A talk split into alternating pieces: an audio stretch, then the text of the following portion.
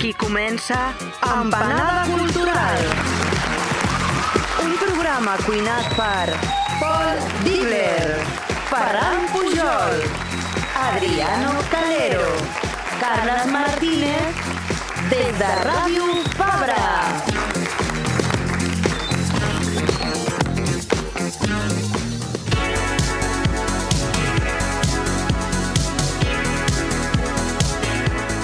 Gotes de suor recorrien les nostres esquenes a l'últim programa, en el d'avui també, dedicat a la mort, aquell programa. I després de la mort, l'eternitat. I si alguna cosa ens presagiava aquella calor, és que aquesta mort ens portarà a l'infern, o si més no, a una altra vida en estiu perenne, en estiu etern.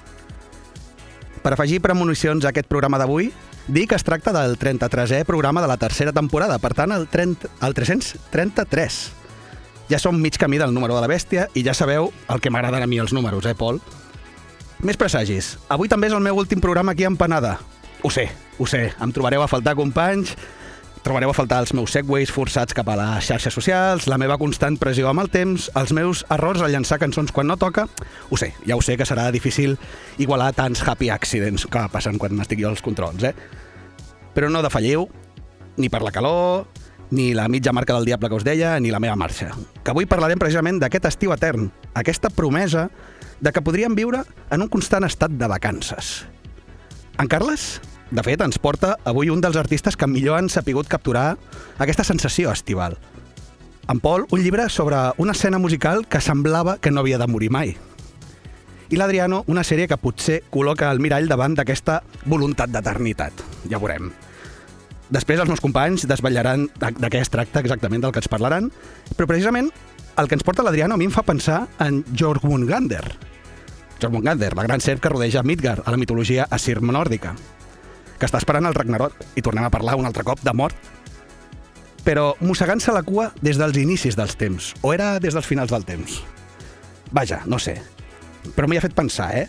En aquell etern retorn que tants cops hem parlat aquí a Empanada, en aquest etern estiu on ens agradaria poder descansar per sempre, tot i que sabem que no serà pas així.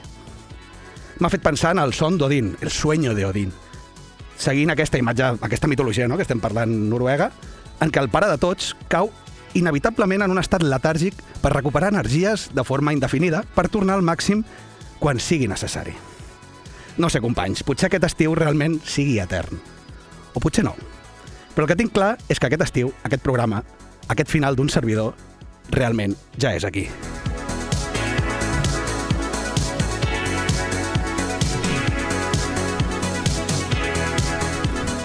Déu meu, aquest cliffhanger que ens acaba de deixar el Ferran de quizá vuelvo, o quizá no. O quizá no. no. És, una quizá hora, no. és una hora dels adeus en versió electro Miami Nights. Ah, molt bé, Carles. Sí, i tant, total. Yo tengo dos, dos cuestiones que añadir. Tú ¿eh, una, una, no es, o sea, no hay nada cierto en esta vida, no, nunca hay un nunca jamás, ya lo conoces. Bueno, mira el jamás del, del Pedro Sánchez Poco a poco. al, poco a al poco. referéndum. Sí, sí. Jamás. Jamás. Y ahora que indultos a. Aznar también tenía un. A diestra y siniestro. Jamás. Pero, es decir, vamos a centrarnos en este verano. Está claro que este verano Farran no estará aquí. Lástima, lástima. Aquí, pero bueno, vamos a ver, vamos a ver.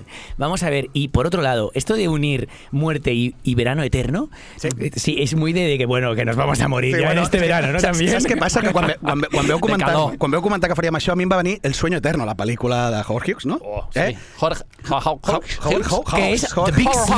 Big. Sleep, ¿no? Sí, vaya película, ¿eh? Big Sleep, Howard Hawks. Howard Hawks. Howard Hughes és el de los Exacto, aviones, con ¿no? Howard Hawks, con con el gran Humphrey. Bogart y Loren, Huey. Loren Bacall. Ya se habían Pel conocido. pel·liculón, que no faré jo ara parlar de cinema aquí, eh? però que, que va dir, això és mort. I a més, eh, jo sóc d'hivern. Ho veu veure al programa anterior, ho estareu veient ara si esteu veient Porque el tú vídeo. mueres con el calor, Y yo ¿no? moro molt, y yo me voy al descanso de los por eso. guerreros, yo voy al descanso del guerrero. Por eso se va, ¿eh? ¿Ves? Es eso, ya está. Se ha dado cuenta que grabar aquí en verano va a ser una tortura. Dice, mira, ¿sabes qué? Yo me marcho, así además genero, genero un aplauso, genero un reconocimiento. Y ya en septiembre ya veremos, ya veremos. Hay que construir el futuro. Con el no carrito, está. con el carrito Con de Radio Fabra de quizá los vuelve. Sí, Doncs clar, va. venim del carrer, no? I sí, també Sí, eh, ha sigut un molt bé, canvi. eh, aquesta experiència. Sí, sí, sí, mira, mira, sí, sí, quan penso en ell em, em torna al català. Sí. Eh, Torno a ser de El- Solsona. el El Gavalaga del Pinxo que anava a fer el balena. per als que no... A, a Can Mamella, jo em vaig quedar amb això. Oh, que bueno, eh? els, Ui, que no, els que no ho hagueu sentit, que sapigueu que tant a YouTube com a Spotify... Bueno, Spotify encara no, perdó, error meu. Eh, podeu escoltar aquest uh, Ràdio Fabra al carrer, que els meus companys, perquè jo no hi era, posant una miqueta ja de... Ui, què ha passat aquí? Ens van treure a passejar. Sí, us van treure a passejar. Interessant història de Sant Andreu que comenteu a base de tres cosetes. Però bueno, que la gent se'n vagi a escoltar aquest programa i avancem potser cap, cap al que anem a parlar avui. Si us plau. L'etern estiu, no? Anem-hi. Vam al flow.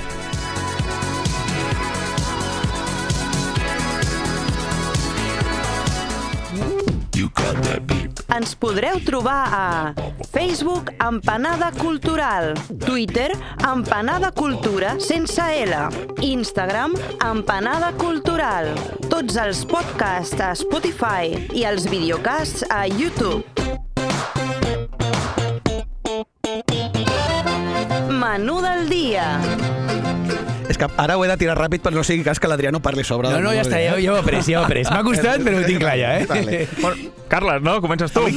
Començo jo, començo Ah, jo, sí? eh, parlant de, doncs, com molt bé ha dit el senyor Ferran Pujol, de Joaquín Sorolla, que un tio que va passar molts matins i moltes tardes pintant emocionat la costa de València amb el seu barret de palla, però això no vol dir que l'haguem de reduir a imatges de costa, eh? És a dir, no hi ha un únic Sorolla, vale? Però, N'hi va fer diversos. moltes, però va fer moltes vacances, eh? Perquè va pintar molts quadres Sí, però, però crec que convé saber de... Hi ha el Sorolla de retrats, hi ha el Sorolla de folklore, de costums, d'inquietud social, el Sorolla que, que modernitza Però Velázquez, aquest tio vivia en una platja, no? Digues la veritat. Bueno, és, aquí és on vaig, és a dir, el Sorolla que ens interessa A en les el cabanyes. Programa d'avui és el Sorolla playero, el de més que prepareu els pitets, prepareu el banyador, la crema i les O sigui, que xancletes. són, a- és, són els seus nanúfars, no? Allò que deia, la repetició d'anar... Hilando, hilando, hilando. Que conste, Carlas, lo voy a decir solo una vez. Dilo, dilo. Cada vez que dices Sorolla pienso Sopolla. Pero bueno. Sí, o como dice Ferran, Soropolla. El Sorogoyen, Sí. Sorogoyen, Sorogoyen. Sorolla. En el, en el guion lo he puesto para hacer la por broma. si acaso, que nadie se equivoque. Humor ¿eh? inteligente en 1 de julio. Exacto, exacto. Sí. Ya empezando fuerte. Però diré coses sèries, eh? Sí, segur? ¿Y en Paul dirá cosas serias también Sí, o no? després ens mantenim a València, de fet, per presentar un llibre que ja té uns anyets, poquets, però té uns quants anyets, que quan us digui el nom ja sabreu per què. Però eh, el que farem és una ruta, i no és una ruta estival per, per càmpings o per rutes d'aquestes... Turístiques de les- turístiques. no, no, no, no, lidero, ens anem no? a fer la ruta Destroyer, la ruta del Bacalao, ens anem de ruta Uah! a Joan Oleaque amb En Èxtasis. Una, una tesi, una tesi sobre la màquina. Hòstia, avui ens saltarà el copyright o què vol? Esperem que Bueno. no. Sí, bueno, Bueno. eh, nos protege Radio Fabra. Esperem que no. Y yo también sigo en Valencia y me voy a la paella valenciana, Toma porque ya. que venías con el bacalao. no, yo voy con un ejemplo que nos, que nos saca de esta tierra y nos lleva más a la tierra asiática. Es una serie, ya lo has dicho antes, Ferran, en tu, en tu introducción. Es una serie de Netflix, bueno, de- realmente es una serie de la BBC, producción británica, pero que es- podéis ver en Netflix y se llama La Serpiente, The Serpent. Y nos habla de un personaje real, de un tal Charles Sobra, que hizo de las suyas en los 70 y que nos demuestra eso precisamente, ¿no? Que, el, que al final el enemigo del hombre es el propio hombre. La- Tío malvado como él solo. Potser, potser també posen El serps. lomo. Allà a Àsia potser els paelles posen serp. Sí, hombre, eso, si eso seguro. el Tenemos un, ri- un risotto de serpiente a la asiática. Ah, y que conste, evidentemente el vínculo con ese verano eterno no es tanto en su propia vida, la de Charles Sobra, sino sus víctimas. Aquellos viajeros que seguían el Esos- sendero hippie de los 60-70. Esos veraneantes, Exacto, no? y se Va. encontraban en la ruta asiática con Mr. Sobra. Doncs Això avancem sí que era una ruta destroyer, eh? Hòstia, I, to, I tot torna a l'estiu, no? L'estiu de l'amor, del Avui- 1969, el verano Eh, de l'amor. Bueno, això, aquesta, això eh, que diu ell, però a més, doncs avancem en aquest estiu etern, perquè el programa d'avui no pot ser etern, que jo vull marxar.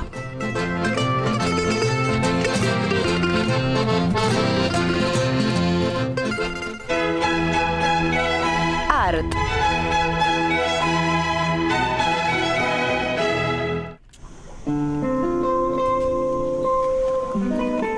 Doncs clar, comencem amb, comencem tranquil·lets, eh? És una platja Quina per, per estar eh? tranquil, Esa eh? guitarrita. Melodia, bueno, una melodia que ens resulta pròxima, còmoda, no? Eh, mediterrània, que ens fa pensar en estiu, i estiu és pensar en la brisa davant la platja, quan trobem a faltar aquests dies de calor intensa, en les vacances eh, que la Covid ens va robar i que estem esperant amb els braços oberts una mica, no? Espera't amb aquests nois de Mallorca, a veure què ens fan. Aviam, eh? aviam, veure aviam.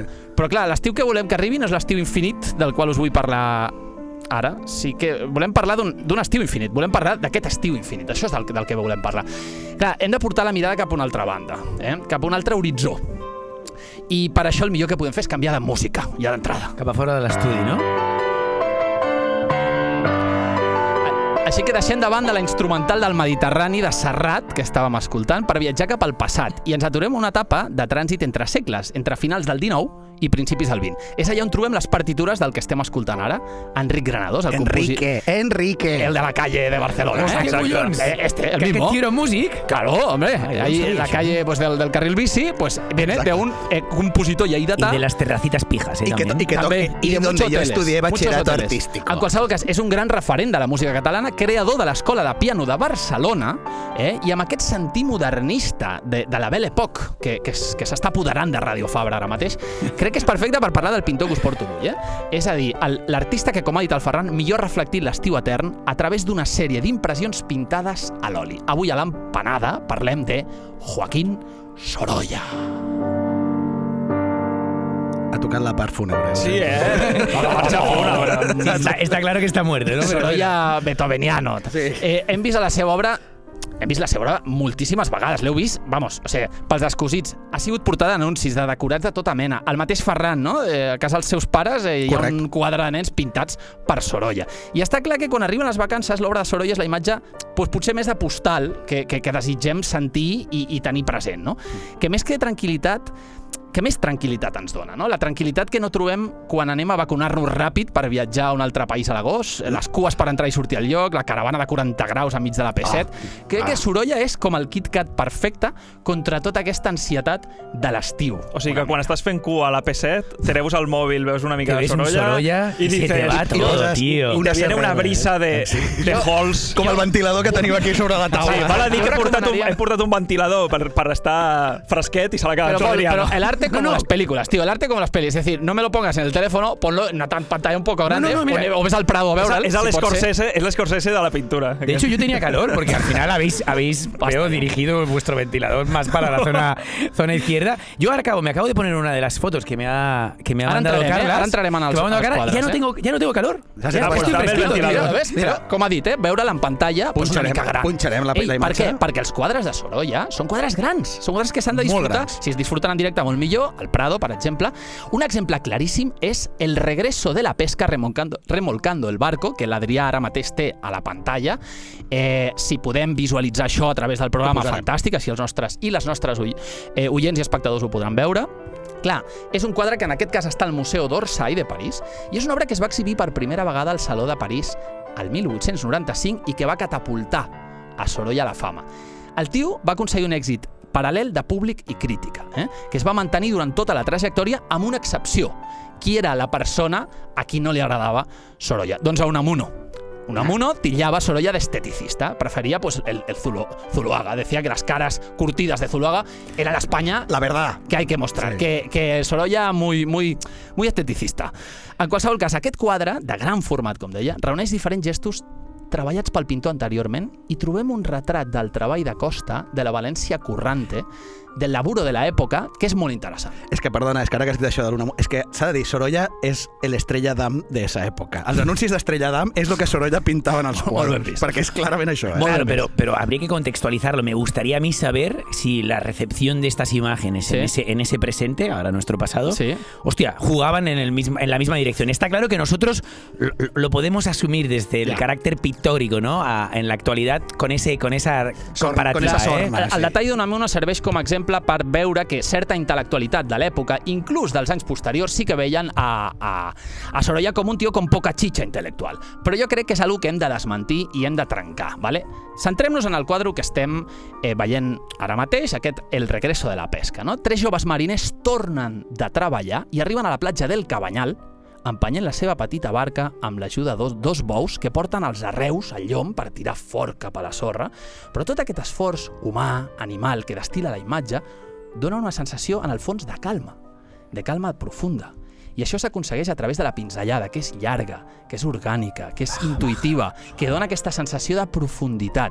Fixeu-vos en la textura de les onades trencant a la sorra, el joc de llums i ombres, la brisa, gràcies per efectos de, Esos- de sonido. Esos dos veleros Flipa, en el flipa horizonte. Adri, por ejemplo. En el horizonte Flipa los con, ves, con ¿no? los detalles. Són tiburones. Però mira, la, la vela inflança, és a dir, tot això dona aquesta sensació de- de- de- d'estar-hi de, present. No? I, evidentment, el sol. Eh? No apareix de forma total, sinó que busca petites escletxes perquè la llum toqui els personatges. Eh? En, podem veure que és un quadre que respira cultura mediterrània i que Sorolla portarà a un nivell superior en un altre quadre de treballadors a la costa, que és el Sol de la Tarde, on el moviment de les onades ja està representat d'una forma molt més ferotge i més enèrgica. Però en aquest cas, eh, en aquest el regreso de la pesca, podem veure clarament, no? És a dir, amb quina sensibilitat ens apropa aquest món de, de treballadors de la costa valenciana. Que son, que son cinco, tío. O sea, has dicho tres en un momento y me he quedado loco. Digo, joder, ya se han escondido dos. ¿No? Tenemos uno, dos, tres, cuatro, cinco aquí. Es verdad, es verdad, y dos verdad, bueyes. que hay dos la- bueyes hay y uno unos dos calabaos que Hay en. La ràdio visual en ràdio Són quatre, no són tres, sinó que són quatre i on que, que, que Entenguem- només li podem veure la mà movent el timó d'aquesta barca Entenguem de pesca, que Sorolla, està més amagat. Sorolla és d'aquests pintors que el que fa és pintar com la llum acaricia els cossos, com la llum acaricia els objectes. És Esa impresión. toc suau. Yo, que conste que estamos aquí haciendo un poquito de cachondeo porque Carlas ya le ha metido tanta pasión y es que realmente si entras en el juego de Sorolla, hostia, al final lo que ofrece es precisamente un discurso más cercano de Carlas. Nosotros intentamos equilibrar la balanza Claro. siempre, pero yo he de reconocer que sí, eh, que estoy contigo. A mí, al·lucinant. a mí me llega. sí, a si mí us me sembla, llega. ens situem en un altre exemple que també s'emplaça en aquestes platges plenes de vida. Parlem de la sèrie de quadres d'infància en aquest context de mar valencià, vale? una edat que, per cert, eh, deia Sorolla, que li molestava. Quan el tio havia de pintar la platja, que els nens i les nenes li embrutaven el quadre de sorra. Tot i així, quan veus el resultat, dius, bueno, pues, per sort, el va poder acabar i li va quedar genial, eh? Posem per cas l'exemple de El Balandrito, de l'any 1909. El Balandrito. apareix- Balandrito. El Balandrito, aquest, aquest, aquest eh, El Balandrito. ¿Qué es un balandrito? un balandrito és aquest eh, eh, vaixell eh, de joguina amb el qual està jugant el nen. El balandrito té un origen cubà, és un barc de pesca d'origen cubà, i aquest nen eh, despullat, amb les cames enfonsades a la- a l'aigua fins al turmell, que està jugant amb ell, i crida l'atenció molt com eh, la figura d'aquest nen i aquest vaixell es reflecteixen a l'aigua en forma de fragments com si el mar dissolgués la seva imatge en infinits trossos vermells, taronges, blancs, novament aquesta llum a través del blanc que, que apareix amb força, o un altre quadre on, on apareix una mare que acompanya el seu fill, també en aquest context marítim, eh, sortint, sortint de l'aigua, imatges que fàcilment ens poden ressonar, no? eh, que ens recorden la dimensió eterna de la família a través de la tendresa i la dolçor. Eh, el quadre que crec que millor sap concentrar l'univers de la maternitat en relació a aquestes platges, a aquest eh, context marítim sobre Llens, eh, i també en aquest context d'estiu que estem, que estem comentant al programa, es titula Después del baño, vale, del 1902, i mostra una mare embolicant el seu nadó amb un llençol blanc, està asseguda eh, en una barca a l'ombra que pràcticament es converteix la barca en un petit univers en si mateix. No és com si l'estiu etern es quedés concentrat en aquesta petit, eh, petit bot a l'ombra. bajo el parasol, ¿no? Hay una idea de, de- de- de- como muchas veces metafóricamente hablamos de un paraguas protector, ¿no? Aquí hay una idea de crear un espacio interior en el exterior Mm. y crearlo a partir, evidentemente, de la luz, pero la luz que, que- que- que permite, ¿no? És que s'ha de dir, perdó, ja penseu que Sorolla, amb els quadres que d'aquestes sèries de platja, són situacions públiques molt íntimes. Exacte. Perquè el que tinc jo a casa, que no sé quin és exactament, també t'ho diré, eh, és dos xavals, un nen i una nena, parlant, i clar, el quadre es centra molt en la mirada entre ells, quan tota la- l'escena és oberta i tens l'aigua, no? I és molt interessant que diguis això, Ferran, que parlis d'aquesta intimitat Sí. que, eh, de la qual Sorolla ens fa partíceps per parlar del quadre de Madre, Ahí està. eh, on trobem a la seva dona. Eh, aquí és la, la maternitat és la seva dona, Clotilde, gran inspiració, Clotilde García, dormint a la seva habitació, cansadíssima després del part, i al seu costat també reposa plàcidament un nadó de pocs dies, que és una de les, seva, una de les filles de Sorolla, que amb el temps també s'acabaria convertint Mhm. a, Amb una pintora. model, no? En pintora, Ah, en pintora. Les filles van acabar sent pintores. Eh? I amb això descobrim quina és la gran font d'inspiració, el motor expressiu de l'art de Joaquín Sorolla, que és la seva pròpia família. Mhm. Un art de vincles humans i un cant a, a la llar. Sí. Es interesante lo que comentabas, Adri, cuando, cuando estabas describiendo el cuadro, en general los cuadros que estamos viendo, por- porque també Estoy pasando aquí. No, no pasa res. Ja saps coño, que som tú eres padre. Solsona, Tú eres- Tú eres padre, tú eres padre y, y es muy català. interesante la mirada que vuelca sobre esa obra desde el punto de vista de la paternidad. Y, y Ver de- a esa mujer y a ese niño. Y ¿no? de alguna manera también, porque me había anticipado al cuadro que estabas comentando ahora, el de madre, y Sí. me parece potentísimo, porque aquí hay todo lo contrario. Hay una apuesta por la intimidad, pero de apertura, porque ya literalmente está en un interior, ya no está en el exterior, Exacto. y ya no tiene que crear ese, ese núcleo conceptual a partir de la mirada, ¿no? Exactamente. Que ofrece, aquí no, aquí es, es, es, es- es bastante acojonante, ¿eh? A mí me impacta muchísimo esta imagen de una madre mirando a, a- a su bebé, Ujú. ¿no? Pero que en el fondo solo son los dos rostros que destacan Sí. entre esa blancura del de los, ¿no? De, la, de las sábanas y de la pared. Y entonces es como la vida atrapada, ¿no? En, en el blanco de ese espacio y por lo tanto la materia, lo vivo, Totalmente. evidentemente como prioridad entre ese espacio. Exacto, ¿no? Algo- algo exactamente. muy potente. la fuerza dram- dramàtica és brutal. Un, un comentari. Um, jo sóc, vull dir, ignorant total de Sorolla, eh? Uh, vaig a fer una referència cinèfila, vale? i no sé si és el mateix autor o em diu, no, és un altre. Aviam, aviam. La pel·lícula de Mr. Bean a la qual estornuda... Ah, que cabrón. a la qual estor... No, no, no, no vaig en sèrio, eh? ahí, Vaig eh? en sèrio. Sí, sí, a la en qual sèrio. estornuda... Jo també vaig en sèrio. I després borra la Sí. cara i fot un, I un, un un, nyap. 6 i un 4. Sí. Ah, el, el quadre original Diria que és un- em recorda moltíssim Sí, la- la- a la dona d'aquí. Doncs no sé si ho és o és un Turner. No, A veure, però seria és un segurament una obra... Ara no- Entenc que si recorda era és una obra impressionista, impressionista, és no? molt impressionista. No recordo... És perquè és una dona asseguda però està vestida, no?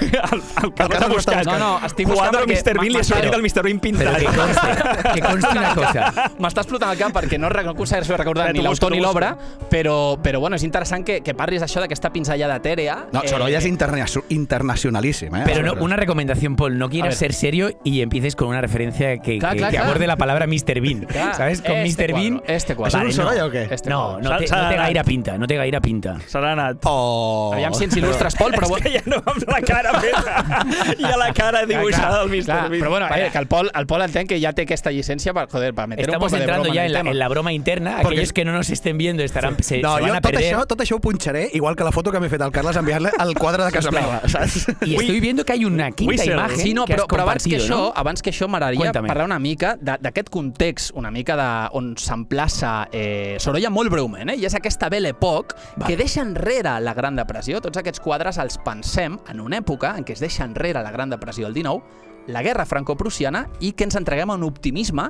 que en el fons dura molt poquet, abans tot. que esclati la Primera Guerra Mundial, i d'uns conflictes que ningú esperava, i com deia Stefan Zweig, als quals no hi creia ningú. Sorolla capitalitza la descreença cap, cap a això, però no a través de l'adonisme, no a través de la despreocupació, eh, perquè ell també té quadres de crítica social, de reivindicació sindical, de, de pobresa, prostitució. Crec que Sorolla connecta amb els ideals de la Belle Époque a través d'un optimisme, d'una passió vital i d'una representació del, del naturalisme eh, de la realitat, no? que pot recordar a l'art de Charles Cotet, dels pagesos aquests de la Bretanya rural i de- d'alguns pintors francesos de l'avant noir. però és més leisure, que es diu, és més, és més de l'adonisme Sí. natural que no tant el laborisme labo eh, natural. En, així, en qualsevol cas, eh, Sorolla apunta abans cap a aquesta direcció que no cap a la pintura impressionista. A Sí. vegades la gent pensa en impressionisme eh, per parlar de Sorolla. No. És a dir, el seu art és l'alternativa a l'impressionisme. L'alternativa a, a Monet, Degas, la, Cézanne... o la utilització més natural de l'impressionisme, és a dir, utilitzar l'impressionisme natural i no l'impressionisme que et porta a un imaginari. Exacte. Perquè I és Urbano realista. la realitat, És no? un realista. Per tot això, si parlem de Sorolla en un programa com aquest, parlem de societat, d'una mirada de comprensió i empatia cap a la dona, que és, crec que és molt pertinent avui en dia, però sobretot, sobretot, parlem d'un esperit d'estiu que només pot fer-se visible a través de la llum, d'aquesta llum que impacta contra els cossos, eh, que veiem en aquests quadres. Una llum vital i eterna que purifica, que ens aixeca l'ànim i que sembla a vegades que aturi el temps. Oh, Carles! ¡Bravo! ¡Bravísimo! ¡Bravo! ¡Bravísimo! No, no, está claro que viendo a Sorolla eh, eh, vuelves al verano, sí, y aunque no sea verano, ¿eh? És, és, aquest estiu, també t'he dit que és l'estiu mediterrani, ja ho has dit. Ja has començat així en la secció, és molt la llum aquesta de, després del solstici comença aquesta llum eterna, que després se'n va, eh? I jo que ho agraeixo. Machacona, luz machacona. doncs avancem cap a la secció. Toca el Pol, no? Vins amb llibres avui, Pol? Vinga, amb un llibre. Ostres, tu. ens, ens posem literats ara, Vinga, eh? veureu. Sí, sí, seguro.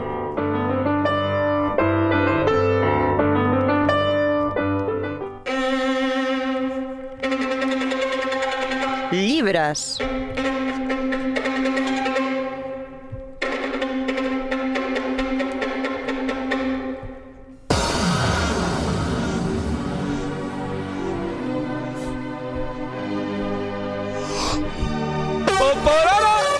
I és amb aquestes trompetes, amb aquestes senyals celestials que criden a la bogeria que han reobert per fi les sales. Per fi la festa ha tornat. Que visto lo visto potser torna a tancar de nou, eh, Carles? No et flipis. Però pensem en positiu. I és que per a molts la vida nocturna no és només una forma d'esbarjo, de lligar o de ballar. És totalment una forma de vida. O millor dit, com explica el pròleg del llibre que portem avui, Nuestro desfase era ilustrado, militante, absoluto. Celebrábamos algo que tenía que ver con lo efímero, lo audaz i lo no normal. Així que, empanats, agafeu l'impermeable groc que avui ens anem de pesca a buscar bacalao. la- allò, el Capitán Pescanó, eh? Amb el llibre En èxtasis. Gràcies,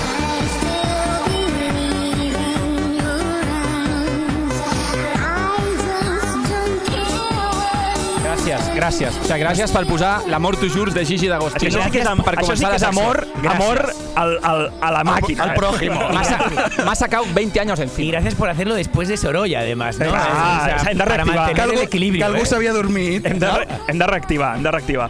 Doncs, nois, avui us portem un llibre, això sí, bueno, literato, ja ho hem dit, eh? És un llibre que es diu En èxtasis, el bacalao como contracultura en Espanya. Bravo. No us penseu que és un llibre de comèdia, eh? No, no. Tot i que ara eh, parlarem d'alguns passatges del llibre que sí que potser tenen un punt de comèdia, però realment el que estem parlant és un llibre de Joan Oleaque, que a més va fer un llibre, mira com, com ho hilamos, eh? un llibre sobre el cas Alcácer, Mhm. perquè ell és periodista. I llavors ell el que es dedica a fer són tesis, mm, assajos Socials periodístics i socials. i en aquest cas va tocar, doncs el 2004 va publicar ara llibres, ara traduït al castellà, per això dic que tenia uns quants anys abans, el llibre, però 2004 oficialment va sortir publicat en català i ara s'ha fet també en castellà, no?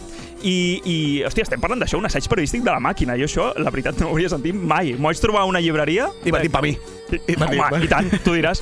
I, I ojo, que ja acabem d'ahilar la gran empanada, i és que el pròleg uh, ve de la mà d'un tal Kiko Amat. Uh, que sona, Kiko Amat és l'autor de Rompepistes, i Rompepistes és un llibre del qual Rosa Codina va adaptar a còmic, que són, no sé si te'n recordes... L'Aroa Adriano, i- Travé, Aroa Travé Sí, i la, Rosa pues en aquest cas la. Rosa Codina va adaptar el còmic, que jo personalment, a mi m'encanta aquell còmic, i, i llavors, clar, és, és el propi Kiko Amat que fa el pròleg amb frases com Cuando Oleaque expuso lo que aparece en este libro fue como si hubiese puesto en pie en un- se, se hubiese puesto en pie en una reunión de Lampa para aducir que la pedofilia era una tendencia sexual incomprendida. La gente dejó caer mandíbulas y se santiguó. Era, sin exagerar, una puta herejía. Sí, aquí, així comença, el, bueno, comença més o menys el pròleg uh, d'un llibre que va fort, també és un tema fort, o sigui, és un tema que... El que ve a dir, perquè la gent es tengui que no estaven defensant la pedofília, eh? No, no, el favor, és per favor. el que es va atrevir, el, qui- es va atrevir a l'Oleaque a dir que la màquina també és cultura, que Sí. és com a dir, hòstia. I sobretot, que és el més important, és contracultura, perquè al final um, és un, o sigui, hem dit que és un assaig periodístic. Uh -huh. és, un, és un assaig, és un lloc on, on trobareu uh, anàlisi cultural, polític, social, econòmic, context europeu d'aquelles èpoques. O sigui, parlem de, sobretot, 80s, 90s, però, però també la prèvia. O sigui, nosaltres veníem als 70s aquí a Espanya d'una d'una dictadura que amb una transició, pseudo-transició, transición, que no sé qué, no sé cuántos, y osclar, uh, fa una anàlisi molt interessant de tot el context. Uh, uh, no deixa de ser això, un periodista que, que, que s'ha... Que s'ha il·lustrat que s'ha i il·lustrat. Mola molt que portis aquest llibre perquè crec que era una etapa que tots tenim al cap, però que com, convé eh, divulgar, Sí. i crec que no s'havia fet. I Hi ha el de- documental de, de Nando X Control, de Sí, Ciudadano exacte. Fernando Gallego, que, que ja apunta això, però està bé que, que també estigui sobre el paper, no? Tinta sobre No, i paper que- per divulgar això. Y es evidente que al margen de los tacos valencianos y los Simpsons, ¿me entiendes? O sea, que al margen de lo que se pudiera mover en la realidad del día a día o de la noche a noche de esas fiestas, era una respuesta a algo. Sí, Y era totalmente. Una respuesta Total. a una historia que, como bien comentabas, no, Totalment. no viene de los fet, 90. de fet inclús antes. podríeu complementar la visita, la revisita a aquelles èpoques amb, amb la, eh, realment amb la visita que podeu fer a l'exposició de Palau Robert, que crec que encara hi és, de, que, és que es diu. Underground i la Ah, contracultura és a. Catalunya Sí, sí. dels 70. Sí, cert. Ah, mira, sí, de fet ho tenia Fins al 28 fins de al 28 de novembre, novembre. Uh, o sigui, podríeu fer aquests als 70 i després el llibre empalmaria amb els 80, no? Llavors, és un llibre d'aquests que, òbviament, està ple, farcits de curiositats i anècdotes. Una, per exemple, és uh, aquesta descripció del que va arribar a suposar, no? I això ja sí, de la mà de l'autor. Una traca inacabable y la alteración total de las prioridades. La fiesta era la razón de ser de una vida. La vida normal era lo secundario, lo que te atendrías cuando terminaba el cada vez más largo fin de semana. La innegociable fijación en la música blanca, es decir, rock siniestro, synth pop, IBM, tecno psicodelia, y el rechace frontal, y aquí no estoy de acuerdo, al funky macarrilla, disco pocho, Disco la movida pop nacional y, desde luego, cualquier lenta. Això està claríssim. I després afegeix... De, No estás de acuerdo, perdona, por lo de las lentas, ¿no? Por el funky, por el funky. El, por el funky funky. lento, el mo movimiento de culos lentos. No, però, i, i aquí va també, hi ha, hi ha una altra mm, introspecció cap a l'època que, que, que s'apartin Tinders, Grinders i tota la pesca d'ara, que és el bacalao de repente normalizó el no salir para ligar, el nulo interés en pillar una curda babosa o acceder a un nivel de semi-estupor alcohólico. Baile, baile, baile. Nada de apoyar codo en barra y poner cara de aguantarse la caca hasta que se pusiera a tiro una incauta. Bailar era el fin, no el medio hacia otra meta. Que grande, Pol. I és que, a més, connecta justament amb aquest documental, el de Nando X Molt bo que aquest és documental. Baila o muere. Sí. O és, Sí, sí, sí, Però- sí, però és és tal aquest qual. pas- esperit a- a- festiu aquí de l'únic discoteca. l'únic que va estar proper a aquesta època és l'Adrià, no? Sí, ¿Vale? sí, sí, Es- sí, es- sí. Esto, esto es cierto o eran las He de ganas, decir eran las ganas de drogarse? He de decir que aunque parezca que parezca que era parte de esas rutas bacalaeras, yo era un niño, pero Ya. sí que recuerdo compañeros de, de- del barrio, del entorno, que sí que habían picado con estas realidades. Y he de decir que es cierto, iban tan pasados que el único sexo que vivían era el baile. O sea, realmente la, la proyección del sexo se convertía en baile. La respuesta a esa cultura ya caduca también era baile. Per Lo sort- has dicho tú, baile, per, baile, baile. Però per ¿no? sort tenim documents gràfics d'aquella època eh? i le llaman baile porque ellos lo viven así. Ah, no sí, porque eso desde sí. fuera parezca un baile tradicional húngaro. Eh? Sí, bueno, al és com final- el tri crearon- tribal. No, no? coreografies, és, és, eh? L'equivalent del que als 70 potser passava amb les discos als Estats Units, no? Sí. que la gent sortia, bueno, a a part que hi havia el SIDA i tal, però que el tema era... Sí, Ah, però que la gent, que la, pequeñas minucias. que, la, gent- que la gent sortia a ballar perquè els agradava ballar. I aquí al final era hacer el chupa-chumpa, Sí, sí, sí. però... Bueno, el chupa-chupa. El chupa-chupa. Exacte. Lo que pasa es que el funky de alguna manera exige un poquito más de excelencia. Es decir, no Sí, todo el claro, mundo eso- a eso me refería. se Sí. puede dedicar a llamar la atención en la pista Sí. bailando funky. Sí. Eh, bailar máquina Sí, es sí, algo sí. asequible y por lo tanto era algo social. Universal. Universal. Sí, sí, exacte. I és curiós perquè si posem dates, eh, posen una, una època de mort de, de la màquina del bacalao, que és el 96-97 aprox, vale? Però sí que és veritat de que, i això, eh, jo ja vinc aquí com a, com a també com a ignorant del tema històric de la màquina, que és que eh, tiren enrere i comença als anys 80 amb l'arribada del synth pop a Espanya. Concretament, els pioners dels quals eren Soft Cell. Ojo, eh? Esto es temazo, No us pensàveu, eh, que sonaria sí, això es un en temazo una... ochentero, en pero una- realmente no, aún no estoy viendo el Vale, vale. vínculo con, of Love. Això, con los 90. això va venir perquè al final, a l'inici d'aquesta música màquina va ser una combinació del pop més, més popero de, no? de, de, de Comercial, mainstream, no? Amb una cosa molt més ballable. Què passa? Soft Cell, aquest que estem sentint, van anar a actuar a València, més curiosament a la sala Èxtasis, a, als 80, i de cop molts valencians van descobrir aquest grup, van descobrir aquest estil de música, van dir, eh, això ho hem d'explotar, però és que només a València, a Espanya, van dir, esta gente, ¿quién és? Saps? Llavors, que van començar... Sorcel, Sorcel, que és Sorcel. És molt, és, és molt curiós que, Habla más hechillo. Eh, Sorcel. mola que, que sigui el pioner en el sentit musical de grup, el que ve aquí, que soft cell, i, i diu, hòstia, i jo vaig desencadenar tot Sí, això, sí. per favor. Dios. I si parlem d'un altre ja pioner, però en aquest cas sí que valencià, és Juan Santamaria, que en el moment del llibre jo he llegit que tenia 66 anys, jo no sé ara quants deu tenir, si és que està encara entre nosaltres. Suma. Sí, no, no ho sé, no ho sé, perquè hi ha el la versió del 2004 i després l'ha re reeditat, no sé si ha canviat aquestes dates també. 2004 més... Bé. Bé, eso. Se'l diu que és el gran fundador i el verdadero pionero no? de, de lo que és tot aquest moviment. Um, el típic tio que treballava a un hotel de DJ, que anava fent sus bolos, però una cosa Que molt el- estàndard. que pinxava en segur- el lunch, no? Que, que segurament, exacte, que Sí. sí. punxava lentes no, per a les parejas que venien allà, tot això, fins que va fer un viatge als 70 a Ibiza i allà va descobrir eh, la Ibiza que encara no existia Patxà i tot això, eh? una Ibiza que començava ja una mica en moviment, però sobretot el que veia és molta, molt de turista que anava allà rotllo hedonista, siguin americans, sigui de, de qualsevol arreu del món, però sobretot americans, que el que anaven allà és una mena de comuna hippie. Penseu Sí, sí, que als principis totalment. dels 70 feia molt poquet que de, de Woodstock que abans comentaves, no? Llavors allà va començar a dir, hòstia, realment la música pot acabar sent una, pot acabar generant una comunitat, no? Anem a buscar això. I quan va tornar va estar punxant a diferents discoteques, però va ser a, arrel de també anar a viatges doncs, d'Anglaterra o, o altres països que va començar a investigar, a experimentar amb nous, amb nous ritmes.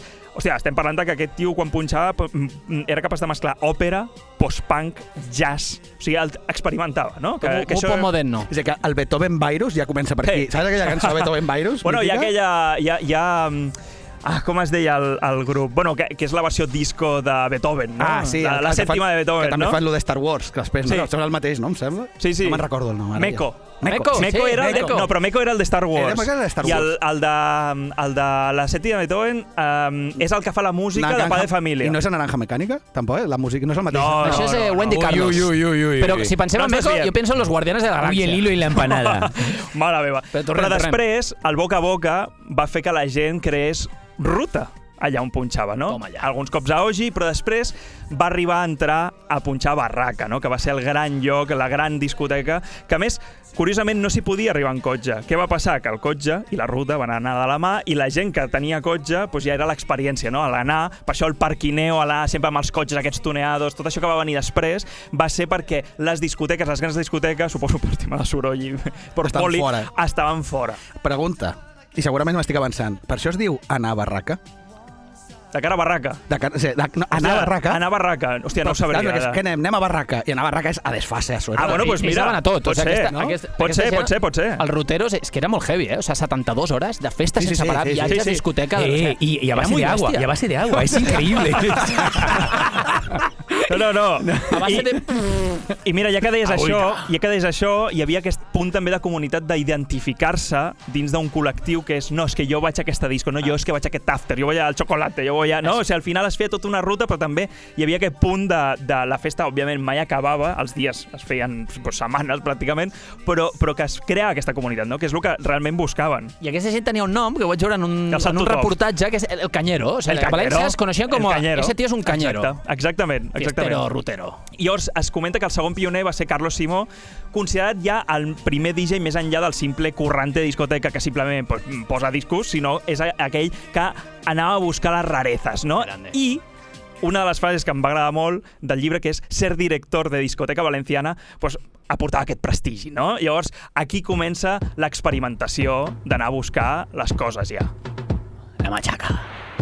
A mi m'agrada molt aquest rotllo de música, ho he de confessar. El àcid, no? Tu, Carles, que ets un expert. Lo gracioso, Acid lo gracioso es que me, me- me está gustando mucho cómo está. Bueno, de hecho también entiendo que, que bebes de un libro que es, que es potente, pero, pero me hace gracia porque la época era, no, esta, esta, esta realidad, en el fondo, esta música está creada para que esas drogas funcionen, ¿no? Es decir, Sí. se, acababa, se acababa hablando de una música que Es su única función O- era incentivar O- las drogas de diseño. O esas drogas estaban hechas para Claro. que esta música Esa era, la, esa era la reflexión posterior, ¿no? Y decía, ¿qué es? ¿Avance o la gallina? Sí. Pero es curioso, ¿no? Porque evidentemente siempre hay mucha más chicha y aquí estamos nosotros Para Clar, però a més, eh, mira, t'agafo t'agafo la, la, el passe, que ho anava a comentar més endavant, però ho, ho deixo anar allà. Hi ha una frase que home, és òbvia, no? que es diu El imperio de la química lo cambiaría todo para siempre. O sigui, primer va ser la música, però després és quan es va començar a introduir ja aquest...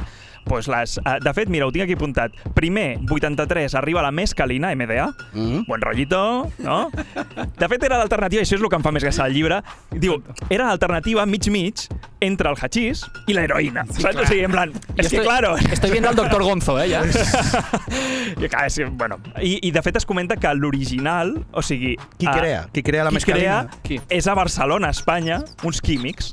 Sí, ojo, eh? que Aquí, aquí som els pioners, Els eh? de- els no solo de- el Hilly Hill, sinó... Els del químic. Els del roig. Saps? Com es diu el, el laboratori aquest que està allà a Travessera? És, Ah, sí, sí, sí. Bueno, nois, però què passa? Una altra anècdota que a mi em sembla molt curiosa i, i té a veure amb el tema d'experimentar, de buscar noves, a, a, noves sensacions, sobretot per la gent que ve a veure, és el, el, el terme de d'on va sortir el bacalao, no? o sigui, que això que això. Que el bacalao és una El paraula el superrara. bacala. Doncs prové de principis dels 80 d'una botiga de discos anomenada Zig Zag, d'acord? On pues, els típics DJs, el que aquí seria jo en el meu camp, eh? eh, el Daily Records de Barcelona, que és el típic lloc petitó, però que va tothom allò a recercar coses uh, frics uh, de vinil, allà pues, anaven tots els DJs a buscar pues, noves, no? no, nous sons que arribaven d'altres països, que es fossin així bastant underground. Doncs un amic d'aquests que acompanyava un d'aquells DJs que, pues, que sempre anava cap allà, pues, no para de dir quan escoltava un temazo esto es bacalao de Bilbao. em sembla brutal que s'hagi... O sigui, que llavors a partir d'allà, pa, pa, pam, boca a boca, grande. es va anar corrent la veu i el bacalao ve d'aquí. Bueno, això és... Adriano, que me chafa la màquina. DJ Ah, no, Ross. Digues, digues, Total, digues, Adriano, màquina digues. Smile, Clar, Smile de jo, DJ Ross. Jo això sí que ho he viscut, ser un nen petit i veure Màquina Total com una, com una referència musical de, Com la, la Bíblia, no? I, i, i l'anècdota més bona és jo tindre, no sé, 10 anyets, 11 anyets, i agafar el Màquina Total 3, on hi havia aquell tema de, de puta madre, i emportar-me'l emportar-me'l d'excursió, no? típica excursió d'un dia amb, els, amb, els, amb el col·legi. I pervertir a anar- compañeros. Exacte, anar al xofer i dir-li escolta, pots ficar aquesta, aquest casset? I llavors, clar... Los profes corriendo a buscar el culpable. No, no, ¿eh? va, va haver-hi va haver reprimenda. A mí esto me eh? pasó con, con- va haver-hi con- a mí me pasó eso con Guau, Mr. guau, Oizo, que yo les, les ponía el cassette de Mr. Oizo, eh, oye, pon Hòstia. esto, ¿sabes? Va, jo, jo de petit, eh, clar, com que a mi m'agafava molt més tard, jo havia escoltat eh, Los Pitufos Maquineros. Pero yo creo que este era- Míticos. estaba más aceptado. Jo, jo recordo la sessió de DJ Sisu, Xavi, eh, Pastis amb Wenry, Sí, eh, sí, DJ sí. Escudero, Xavi Metralla. bueno, Hòstia, aquesta bueno, és la, la màquina que jo escoltava, sense- però sense perquè tu fer- m'estàs pintant el background. Clar, però, escrivint però el escolta, background escolta, això. escolta, ara, ara seré repetitiu, però ara hi ha molts recordatoris dels Remembers. O sigui, el, Sí. les festes Remembers al final són aquella recuperació. També és veritat que jo aquí el que estic posant és la, la, les grans, els grans hits de la màquina, però que en realitat, òbviament, és el típic llibre que, que podries fer com el de Black Music, que, amb YouTube al costat, amb uns bons baffles, I anar posant-lo. i anar posant, perquè aquí és una biblioteca, una enciclopèdia de musical espectacular. Que guai. No, y que no hay nada tan bueno como lo que estás comentando ahora, ¿no? Como vivir ese remember y encontrarse ahora a, a quien tú mencionabas ahora, Carlas, ¿no? Pastis y Buenry, y ver que, que aquello era la auténtica salud, que como decía, Sí, sí, como sí. decía el, ¿cómo era aquel hombre? el de Callejeros. El de callejeros Sí. que decía, ¿no? La droga es la auténtica salud. Pues tú solo tienes que ver el rostro de Pastis y Buenry ahora en que la son ¿eh? youtubers, ¿no? Que, que va a hacer el vídeo de youtubers de, bueno, Pero están no, le, ¿eh? no le deis palmaditas a la sí, espalda a mi el- colega. el Nando Dix Control dient que como me entere yo que le dais una pastilla aquí al pastis, os reviento. El pastis. que m'agrada, eh? La, la, la, la ironia del tema. Sí, sí. Però bueno, nois, per acabar, última anècdota. En podeu trobar moltíssimes en aquest llibre, eh, ja us ho dic, però uh, i aquí m'afecta a mi personalment, i és que és curiós com als 80 la música negra era la que, o sigui, era el sinònim de garrulo. O sigui, escoltar música Però negra, la aquí, música clar. disco... A, a Espanya, a Espanya, clar. Um, la música negra, funky, disco, tot el soul, no tot això, era aquesta música de garrulos, o sigui, és que es feia servir aquesta paraula, em sembla molt interessant. I que hi ha aquell rotllo, aquest ritmo casposo, no?, que només interessava a la gent negra. A més, de fet, el llibre ho remarca, òbviament, estem en l'època que estem, llavors ma- remarca el tema de música per negres i música per blancs. De fet, es, es, eh, es parla molt al llibre d'aquesta experimentació amb aquesta música blanca per blancs, feta per blancs, per a blancos, no? és com una apartheid maquinero, eh? Totalment, totalment. Aga- Agafaven ritmes de Tom Waits, Visage, Joy Division, New Order, o sigui, i els hi fotien encara més tralla, no? Llavors, um, és, és molt interessant que això, no? Que, que podries Sí. trobar-te al mateix, a la- a la mateixa, al mateix carrer Sí. un marula farcit de, oh. de negres que, que aguanten columnes, com passa o passava al, al marula, perquè no es mouen de la columna, amb el, el, el, el, els dos portals trobar-te el, Els, talús, tralla. els talussos negres. Vull, vull viure en aquest carrer escudellers, vull, vull sentir-lo, vull, vull ballar. Sí, sí, allà. i, i a més explicava també, en, en referència a això, de com l'home espanyol fins un temps, fins, sobretot després de la transició, no ballava com a tal a les sales, sinó era això, no? només quan era una, le una lenta, i només hi havia baralles, ho remarca molt, que després, potser molt més endavant, a, associem la màquina a les baralles i tot això, i diu, no, no, no, és que això durant molts anys no va ser així, allà era com una cert, comuna... És que vinieron los millennials. Sí, aquestes exacte, que exacte, portaven, no? tio, que baralla vols. Sí. Sí, en el fons era... Hacían así, se caían al suelo se acabó. aquelles putes drogues... Inventaven que- nous moviments amb les baralles Ah, el que et aquestes. feien de, est- no? era estimar, Sí, sí, estimar el pròjimo. Bueno, nois, en definitiva, un, un pou d'aquestes anècdotes de llibre que val molt la pena. És dens, doncs no deixa de ser un, un rata periodístic, no? Però, però és molt... Acaba, acaba, Ferran. Pero si fot-li te pones la música de fondo, si te pones la música de fondo, como que entra mejor, ¿no? Sí, sí, sí, jo l'he estat llegint amb música de fons i... Pol, despide, I, despide. i, i, he, I he llegit molt ràpid. Ja, ja, ja, ja. Bueno, nois, doncs això, que mm, el podeu trobar a molts llocs. Segur no he mirat si a, a, a, a Fabra i. Cots, em sap greu, però realment molt interessant, molt recomanable. Doncs, nois, continuem i acabarem amb aquest... Muy bien esta sección, ¿eh? Yo voy a, voy a gusta que mucho, hacer me unas gusta curvicas. El John ha vuelto.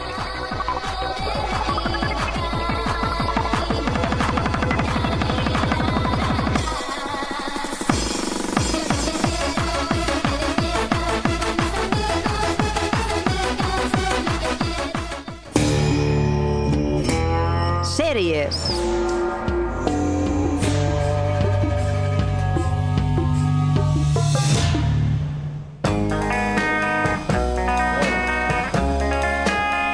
De droga en droga y tiro porque me Sí, toca. exacto. Ey, y seguimos, seguimos además con ejemplos que nos llevan un poco a las mismas reflexiones. No solo, evidentemente, porque estamos en ese verano eterno, en esa búsqueda de un verano a partir del- de, de- de mil maneras y mil caminos. De hecho, nosotros lo que estamos aquí es como tomando ejemplo, a ver si podemos hacer un remember y, y ver si en, en- en el momento valenciano de los 90 hay excusas, o el siglo atrás con Sorolla, o como yo os Entre voy a medio, recomendar, entre medio, ¿no? como yo os voy a recomendar, exacto, 60, 70 con esa, con esa ruta hippie, sendero hippie que se le llamaba. Sendero. Eh, rutas, no, ¿eh? Rutas, Hippie. bueno, había algo de, de- de luz, pero evidentemente también potenciado por las drogas. En este caso, otro tipo de drogas, alucinógenas más bien. Y cuando hablamos del sendero hippie, ¿de qué estamos hablando? Pues de esas grandes rutas de europeos, algunos que partían incluso de Inglaterra, ¿no? Que cruzaban toda Europa, veían en, en Istambul una puerta, una puerta a Asia, en, en- en el camino contrario evidentemente es la puerta a Europa, y después cruzaban por tierra todo lo que era Afganistán, Pakistán, hasta llegar a la India, o hasta llegar al Nepal, a Katmandú, ciudad sagrada, o a Tailandia, en Bangkok, o incluso hasta Australia. Realmente esto es el origen de la Lonely Se, Planet. se iban dejando caer. Era en plan. "Ah". Bueno, e- era la gran aventura, era la gran aventura, ¿no? Y en, en ese contexto de aventura, de búsqueda del paraíso, a partir de un poco con, del mismo concepto que, que- que de alguna manera los valencianos buscaban, ¿no? De esa vida que, que, que es la, la contravida realmente, ¿no? Es decir, la vida convencional es una muerte en vida y por lo tanto nosotros vamos a encontrar un camino que nos lleve a la vida real, a la vida espiritual, así sea a través de la droga, ¿no? Y esto, esta, esta, esta idea, este contexto es en el, que, en el que crece la serie que hoy os traigo, ¿no? Una serie que se llama La Serpiente, The Serpent, Serpent. y que no solo nos habla de, de- o sea, esta- este título no solo nos habla de la propia serie, sino del personaje, el personaje al que da vida a la serie y es un personaje además real. Pero vamos, vamos poco a poco, porque para empezar, lo que nos acompaña, que es un temazo de estos súper reconocible, eso sí, no es el temazo todos son versiones en el fondo. Si tenemos que ir a buscar la original, nos iremos a principio del siglo XX. Pero La sí de que es cierto, ¿no? Yo pienso en la de exacto. Animals. Cuando uno piensa en House of the Rising Sun, esta canción con esa nostalgia, con esa És que, de fet, a mi em preocupa perquè no és aquesta cançó i pot ser que ens salti el copyright per ser aquesta cançó. No, no, no, ya verás que Johnny Halliday, que es, ¿Seguro? en el fondo, esta es la versión francesa. Estamos escuchando la versión del cantante mítico francés llamado Johnny Halliday, que hizo una versión que funciona mucho mejor para la serie. Es decir, maneja ese tono evocador a, a partir del sonido y de la música, pero la letra se llama, y la canción se llama Le Penitencier, la penitenciaría, el penal. Es, un final, es una canción como de final de peli de Scorsese, ¿eh? En este caso, y O- estoy totalmente de acuerdo, en este caso es la canción que acompaña al tráiler, ¿eh? que acompaña al tráiler de la serie que hoy os traigo, que como os he dicho es La Serpiente de Serpent. ¿eh? BBC, lo repito, serie de producción británica de la BBC que podréis ver en Netflix. Y está claro que esa penitenciaría ya nos está apuntando en una dirección. Yo no quiero descubrir mucho, pero se ha hablado de que La Serpiente no es, no es una serie, sino es un personaje, un personaje real que se hizo muy famoso en los años 70, en esa época hippie que comentábamos, en, ese, en esa búsqueda, y se aprovechaba de esa búsqueda eh, del verano eterno, del, de lo naif del discurso de algunos viajeros, él evidentemente no lo era tanto, no lo era tanto. ¿Qué, qué, qué podríamos comentar de esa época como gran titular? ¿Qué El? Peace and Love, ¿no? Ese, Yeah, ese total. discurso de Peace and Love que muchas veces era inevitable con, con la, Ja, la- la de drogas que dit el Carles abans. El cartel a- hippie. A l'estiu de, l'estiu del 69. Pero él, él Estiu era o mucho primavera? más... Estiu, estiu del- Estiu? el verano del amor. El verano del amor. Del 69. Empieza, És que no hi era, tio. No? Empieza en los 60. El contexto de la serie, que sepáis que es 70, sobre todo porque las hazañas de este buen hombre, eh, que se llama Charles Sobra, lo iba, lo iba a retrasar un poco, pero enseguida hablaremos de él. Ya veréis que no tiene un único nombre. Charles Sobra puede ser también Alain Gautier y, y bueno, y nombres infinitos de todos aquellos a los que sustituía. De Valero. San Martí. Para él, para él no era el peace and love esa época, para él era? el death, death- theft and death, es decir, robo Y y, muerte. muerte. Y evidentemente impulsado por todo un rollito de apariencias, de mentiras. Es decir, la serpiente, ¿eh? Charles Sobra, este personaje real, se ubicaba en Bangkok y desde allí operaba y se hacía amiguito de todos esos hippies que iban llegando con su discurso naif. Él se presentaba como un comerciante de piedras preciosas y evidentemente con ese jueguecito de tráfico de piedras preciosas también entraba el tráfico de drogas a los que muchos hippies entraban para poder sub- subsistir y de alguna manera financiar sus viajes. ¿Qué hacía él, no? Se presentaba como un tío importante, montaba fiestas y bueno, lo mejor será que veáis la serie porque ya os imagináis cómo esto era al final una manera de cazar hippies. Esas fiestas, esa apariencia de lujo y esa apariencia también de amor libre, de, de hombre de la vida que ha estado allí y que ha estado allá. Pero ¿quién era precisamente ese Sobra para dar esa apariencia? Pues bueno, Charles Sobra era un tío nacido en Vietnam, de madre vietnamita y de padre indio. Pero que se había criado en Francia. Es decir, lo que tenemos aquí es un cóctel multicultural bastante potente que él supo aprovechar y que de hecho era la mejor imagen, era la mejor careta para ir convenciendo a, a hippies, ¿no? Era un tío, un tío de mundo. Era un local. Exacto, era como un local que se movía en Asia como si fuera su casa, pero también en Europa, que tenía la gracia para conquistar a los europeos y tenía la gracia para moverse por Asia. Es lo que fue l'Adriano amb els Tusk. Que yo soy del Raval. Venid, venid, que yo soy del Raval. Sí, algo así, ¿eh? En el fondo. Hay una idea como de que rompe un poco con esos ideales del peace and love. O sea, estamos en, ese, en, ese- en esa forma de entender ese personaje, como que rompe con esa idea como más. Literalmente, en la vida ¿no? real, si nos vamos a la vida real, al contexto histórico de, de- de esta historia real, sí, Es sin que- lugar a dudas. El problema es cómo lo maneja la serie. Vamos a ir entrando poco a poco. Quería- tenía un apunte ¿eh? en respecto Cuéntame. a eso, porque, claro, piensas en el verano del amor y dices, vale, 1969, Woodstock, Peace and Love, però clar, al mateix estiu, eh, per allà, Manson fa la barbaritat aquella, Cielo Drive. Però ho fa amb, i- excusa, i- ho fa amb la i es mateixa carrega el excusa. moviment però, sí, però, hippie. però ho fa amb la mateixa excusa. Eh? És, que Exacte. és, és molt Llavors, fàcil es como culpar. si, que si ese verano y, y ese año eh, comprimiera las dos caras, Mira, ¿no? la mira. parte naif y la parte muy chunga. I afegiré una cosa, Carles. La cançó de The Snake, que vam portar Sí? fa temps, és d'aquella època, també. Exacte. És del 69.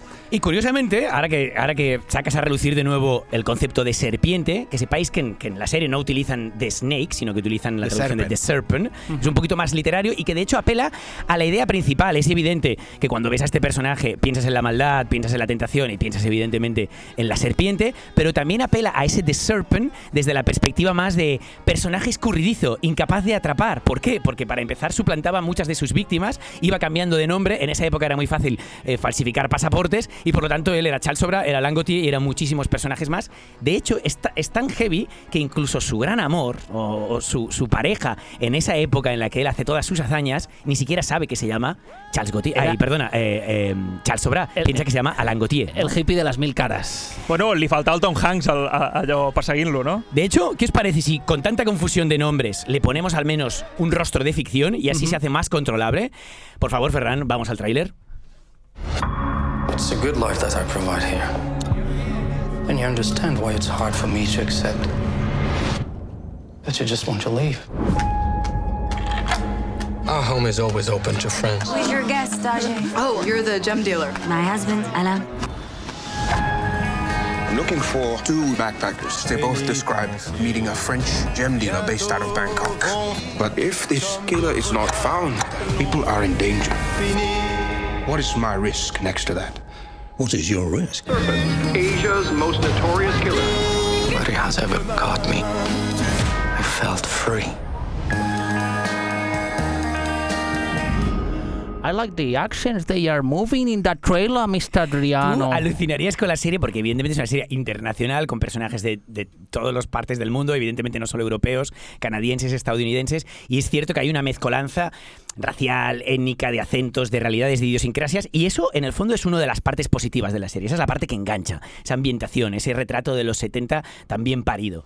Pero no sé si habéis podido ir atrapando las ideas que, que se plantean en, en esta versión de tráiler, ya habéis oído que es Alain Gautier, ¿no? Por un lado, así es al menos como nos presentan al personaje, el gem dealer, ¿eh? el traficante o comerciante de piedras preciosas, que evidentemente es Charles Sobra, como os he dicho varias veces. Habéis oído también a su pareja de la época, a su novia, la franco-canadiense Marie-André Leclerc. Eh, Después entraremos en estos dos personajes protagonistas, que son un poco en algunos momentos de la serie como Bonnie and Clyde, pero es que hay muchos personajes más, no solo el séquito o las víctimas de, de Gautier, sino la otra parte, ¿no? Porque al final la serie también se acaba convirtiendo en un thriller policial donde tenemos la otra parte, el, el- el detective, que en este caso no es tal, en este caso es un diplomático, es un diplomático holandés, que, que también es un personaje real, que se es, llama es el, Fernan- el Fernández Díaz, pero sabes que está ahí la, en la embajada. pero muy obsesionado Sí, sí. Con, con Gautier, es Herman Knippenger, ¿vale? Es un holandés diplomático que en el fondo se obsesionó tanto con el caso de Gautier porque eh, se enteró de que una pareja de jóvenes holandeses habían desaparecido en extrañas circunstancias.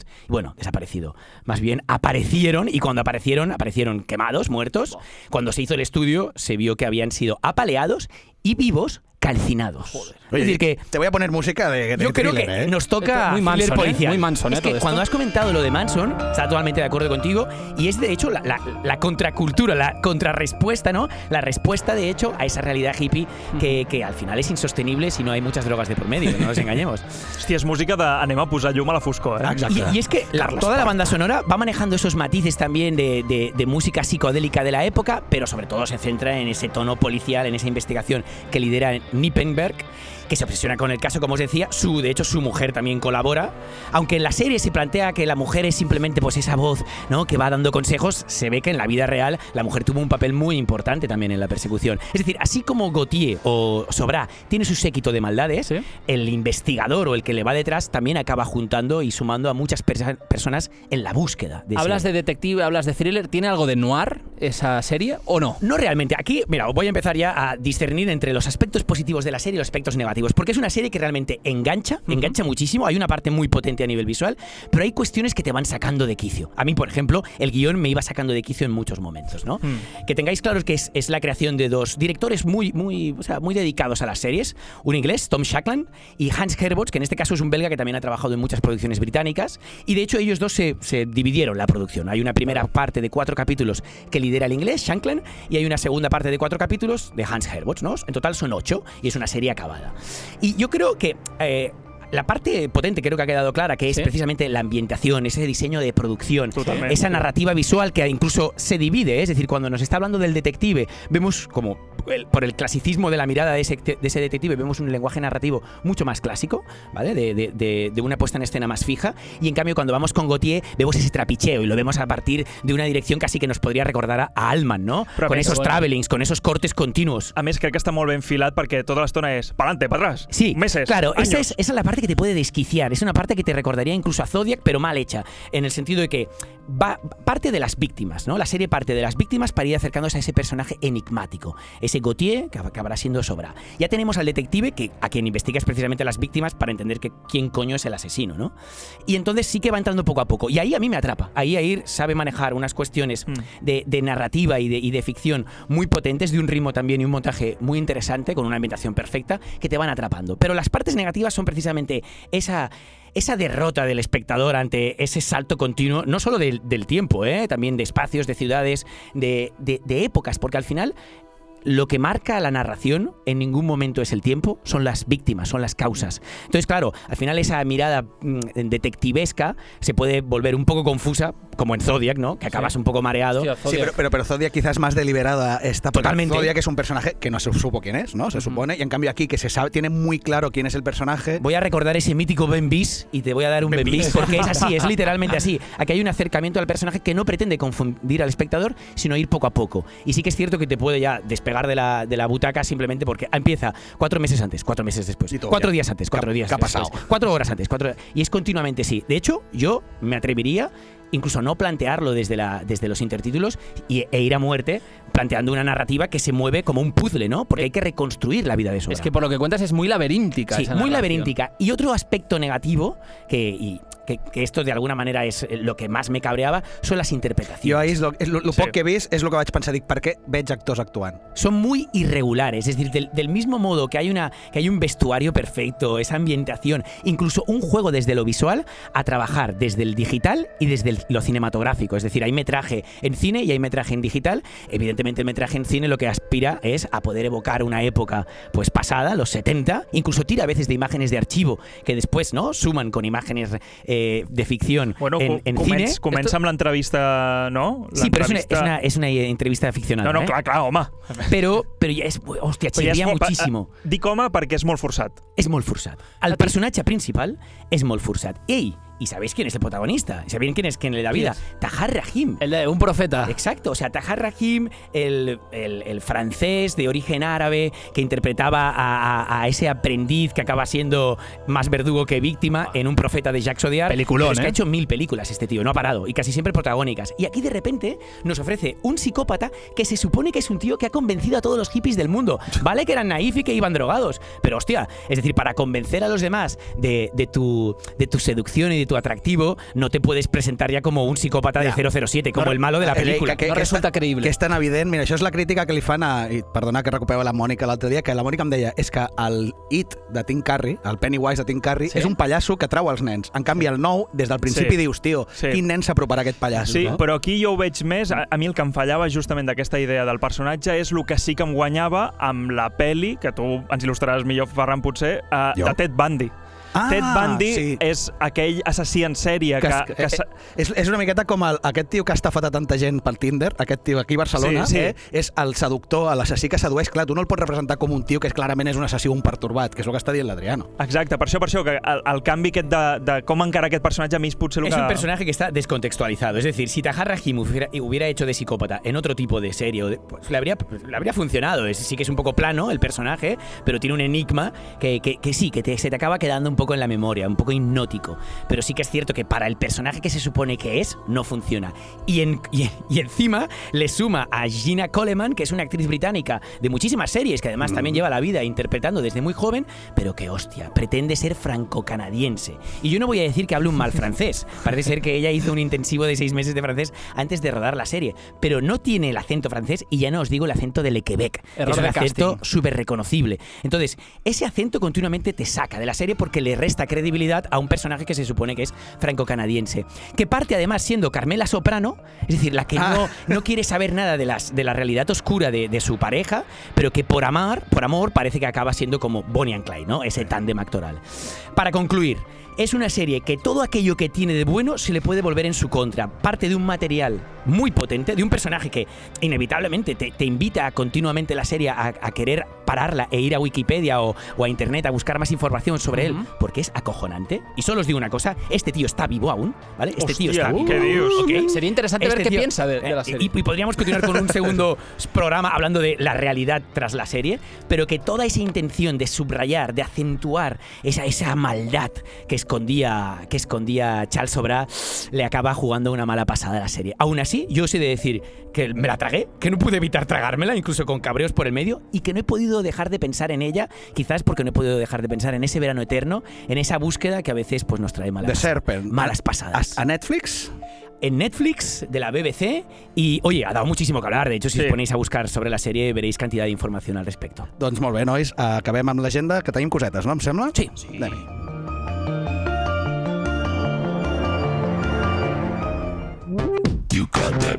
Ens podreu trobar a Facebook Empanada Cultural, Twitter Empanada Cultura sense L, Instagram Empanada Cultural, tots els podcasts a Spotify i els videocasts a YouTube.